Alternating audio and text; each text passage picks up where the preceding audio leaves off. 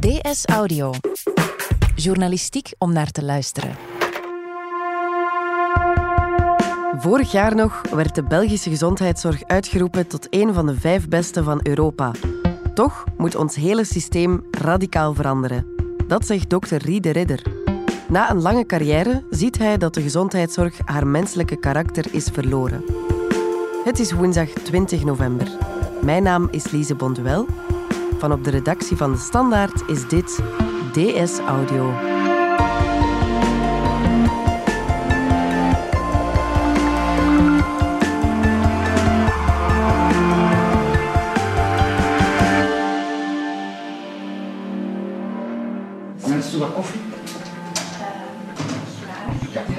Veerle Beel, redactrice Binnenland bij De Standaard. Met wie zit jij hier koffie te drinken? Met Riede Ridder. Ehm, ik sprak hem in zijn woning in Gent. Dat is een, eh, vlakbij het wijkgezondheidscentrum De Sleep, dat hij Ja. mee heeft opgericht. Maar hij is ook een ex-topman bij het RISIF, of de ziekteverzekering. Dat is de administratie die alles eh, regelt van financiering in de gezondheidszorg voor het hele land. Hij is anderhalf jaar geleden met pensioen gegaan. Hij is ook voorzitter sindsdien van Dokters van de Wereld. En hij is dus iemand die zich al jaren bezighoudt met de gezondheidszorg. Ja, dat klopt.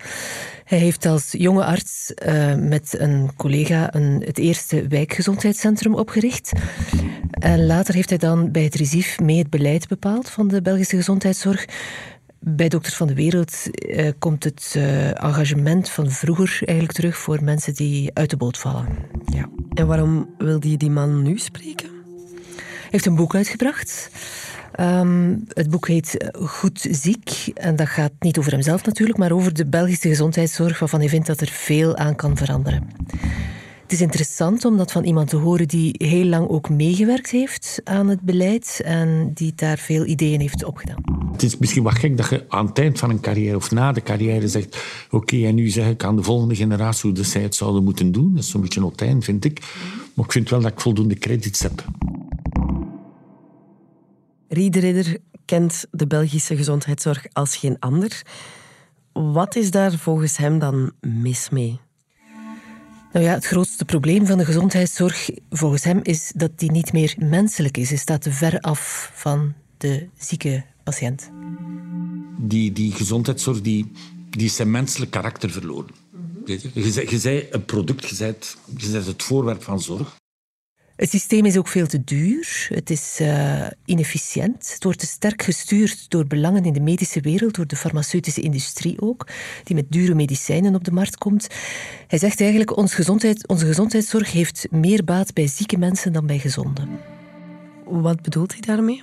Omdat artsen per prestatie betaald worden. Dus artsen en ziekenhuizen hebben er alle belang bij om iets medisch of technisch te doen voor zieke mensen. Om steeds weer eh, nieuwe behandelingen op te starten of onderzoeken te doen. We hebben, we hebben vandaag een zeer duur en zeer arbeidsintensief en zeer technisch gezondheidszorgsysteem dat dikwijls ingezet wordt op dingen die, die veel meer te maken hebben met samenleven. En, en eenvoudige dingen worden opgelost met complexe zaken, eh, waar zeer vervreemdend werkt. Terwijl er eigenlijk veel meer zou moeten ingezet worden op preventie, op het voorkomen van ziek worden.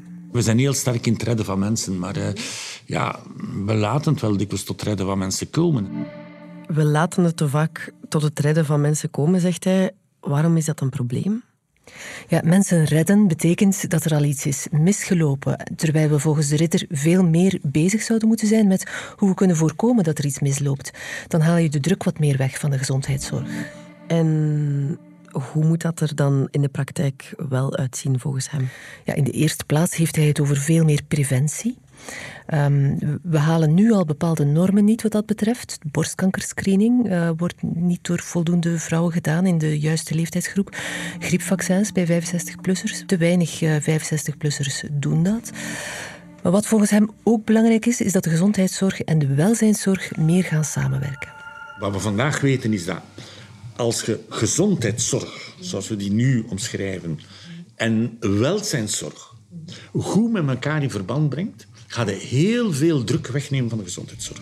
Hoe ziet de zorg eruit als de gezondheid en welzijnszorg meer samenwerken? Riede Ridder gelooft heel hard in buurtzorg. waarbij dus in een buurt een heel multidisciplinair team wordt ingezet daar hoort dan een huisarts bij, kinesist, logopedist, ook psychologen. Mhm. Eh, iedereen die uh, rond een zieke patiënt staat. Maar ook uh, sociaal werkers, maatschappelijk werkers, die in de gaten houden hoe het gaat met de mensen in de buurt. Um, zodanig dat er niemand vergeten wordt. Dat mensen niet vereenzamen en sukkelachtig worden zonder dat iemand het in de gaten heeft. Men heeft niet gezien dat ze aan het vereenzamen waren, bijvoorbeeld. Um, en dat kun je, vanuit welzijnszorg kun je daar heel preventief rond werken. Nu belanden zulke mensen nog veel te vaak in het ziekenhuis, waar ze niet hadden hoeven te zijn als men eerder had kunnen hulp bieden. Daarom dat ik het zwaartepunt op de buurt leg, dat, dat je zo dicht mogelijk bij het maatschappelijk leven zit in zo'n zo'n omgeving, die dus Alleen dat je genoeg antennes hebt om te zien van oké, we weten dat die persoon in dat huis um, ja, dat die nu toch wel een beetje naar het riskant komen is en we gaan wat aandacht moeten en we gaan die moeten volgen. Sociaal werkers die bij zo'n team betrokken worden, kunnen dan ook wijkavonden organiseren of uh, plekken aanduiden waar mensen naartoe kunnen komen om te ontspannen of uh, groepslessen, sport, fitness, samen gaan lopen, allerlei dingen die mensen uit het isolement halen.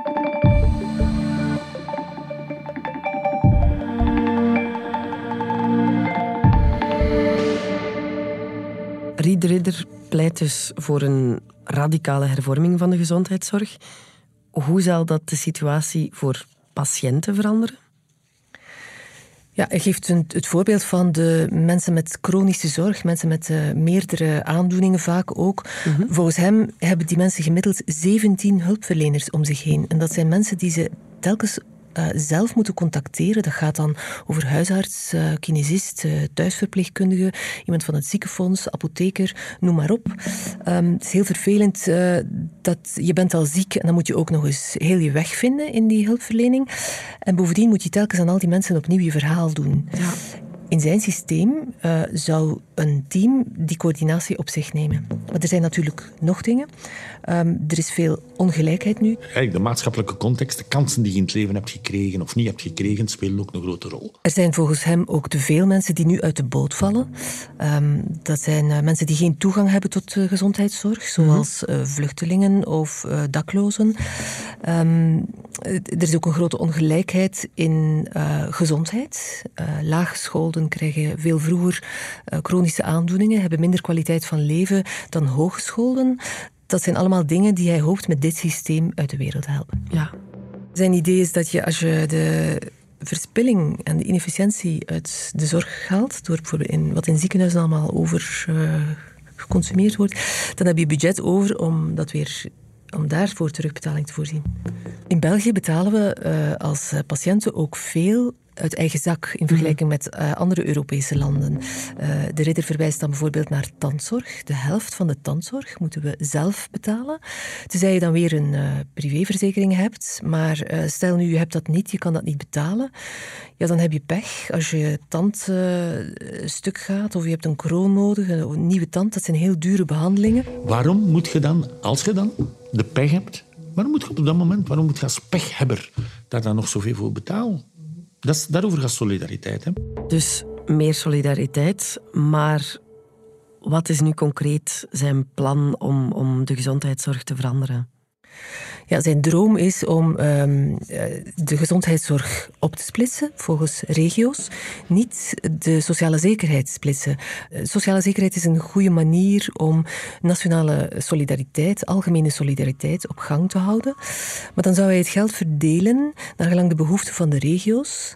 En dan heeft hij het niet over um, grote gebieden, maar over um, steden bijvoorbeeld. Lokale besturen zouden moeten beslissen hoe de zorgteams uh, de gezondheidsdoelstellingen kunnen realiseren, ja. naar gelang de behoeften van de mensen die daar wonen. Het uh, model dat ik van ogen heb is dus een gezondheids- en welzijnszorgsysteem dat heel sterk steunt op equipes, dus op, op teamwerking in buurten. Dat is de basis van het systeem. Dat aangestuurd wordt door organisaties die impact hebben op wat die teams doen. Vooral ook omdat ze zorgen dat er een goed kompas is om te weten wat, zijn de problemen waar de mensen mee te maken hebben, waar zijn de prioritaire problemen. Dus zetten we de middelen precies in daar waar ze het meest nodig zijn. En waarbij dan heel veel getoetst wordt bij de mensen zelf van hoe ze de zorg ervaren. Waar heel veel aandacht is voor het voorkomen van problemen. Ja, natuurlijk in een grote stad uh, zijn de uh, zorgbehoeften heel anders dan op het platteland of in, uh, in, in, in randgebieden waar meer hooggescholden of meer mensen met een goed inkomen wonen.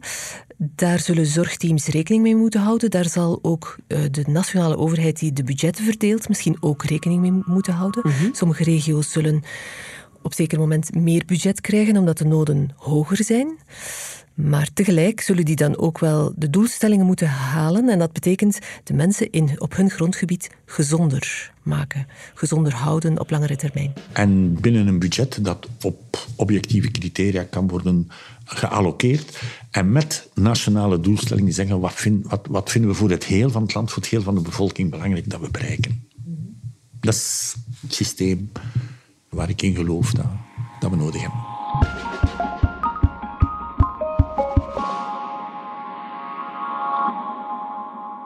Ja, het klinkt dus wel alsof het hele systeem radicaal moet veranderen. Hoe realistisch zijn zijn plannen? Ja, ik heb hem ook die vraag gesteld of dat niet uh, heel utopisch is. Ik geloof in utopieën. Utopieën kunnen werkelijkheid worden. En hij heeft natuurlijk al eens een utopie werkelijkheid laten worden. Want als uh, jonge arts is hij gestart met een wijkgezondheidscentrum. Dat kwam vanuit een uh, groot engagement in de jaren. Uh, eigenlijk is hij aan zijn studies geneeskunde begonnen net na mei 68. Toen hij afstudeerde, vroeg hij zich af: ga ik nu gewoon arts worden zoals dat al jaren aan de gang is. Terwijl uh, heel veel patiëntenorganisaties toen al opkwamen tegen um, het gezag van meneer dokter, die het altijd beter wist. Dus hij besloot samen met een uh, jonge medearts om het anders te proberen. En dat is ook gelukt. Ze hebben daar een nieuw systeem uit de grond gestampt. Eigenlijk de eerste aanwerving die we gedaan hebben, uh, na, nadat we met twee artsen waren gestart, was, was een Turkse vrouw. Je zat geen specifieke scholing, maar vanuit het, eigenlijk al dat, dat gemeenschapsdenken, van het, het linken met, met, met, met, het publiek. En deze buurt was een... Allee, de, we hadden allemaal Turkse immigranten die hier kwamen wonen. Er waren veel Turkse gezinnen in de buurt. En op dat moment kreeg eh, het wijkgezondheidscentrum veel Turkse vrouwen over de vloer die een vage klachten hadden van vermoeidheid en uh, onwelbevinden, waar niet direct een diagnose op te kleven was. En uh, ja, door een praatgroep te organiseren, die Turkse vrouw aan te werven die die praatgroep begeleidde, uh, verdwenen die klachten eigenlijk. Uh, die smolten weg. Dat dat zo goed gewerkt heeft, sterkt hem het idee dat je wel degelijk kunt hervormen en dat je utopisch moet durven te zijn. En denkt hij dat zijn ideeën gaan aanslaan binnen de gezondheidszorg?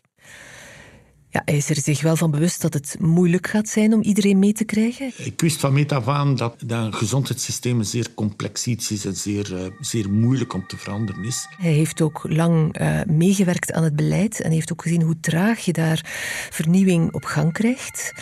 Um, het frustreert hem vooral dat de politiek niet op lange termijn durft te denken, van verkiezing naar verkiezing denkt. Als er iets frustrerend is dat in de politiek zo weinig nog op lange termijn wordt gedacht. Er is heel veel politiek discours over gezondheidszorg, maar hij vindt dat er te weinig uh, durf en te weinig creativiteit is. Politiek is de moeilijke. Hè? Ofwel is ze conservatief en denkt ze te veel in de kaders van vandaag en, en heeft ze niet de verbeeldingskracht om, om andere dingen. En op welke termijn ziet hij de aanpassingen die hij voorstelt voor zich? Wel, hij zou het liefst meteen beginnen met uh, meer experimenten dan er nu al aan de gang zijn.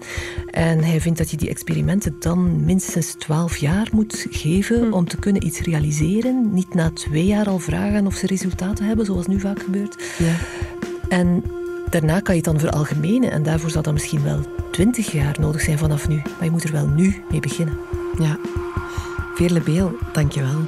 Graag gedaan. Dit was DS Audio. Wil je reageren? Dat kan via dsaudio.standaard.be. In deze aflevering hoorde je Veerle Beel, Riede Ridder en mezelf, Lise Bonduel. Ik deed ook de redactie samen met Fien Dille. De eindredactie gebeurde door Anna Korterink. Brecht Plasgaard deed de audioproductie. Hij schreef ook de muziek die je hoorde in deze podcast. Chef audio is Wouter van Driessen. Vond je deze podcast interessant? Weet dan dat je er elke werkdag één kunt beluisteren. Dat kan via de DS Nieuws app of via standaard.be-audio. Je kunt je ook abonneren via iTunes, Spotify of de podcast-app van je keuze.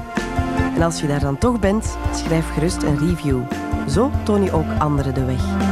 Morgen zijn we er opnieuw.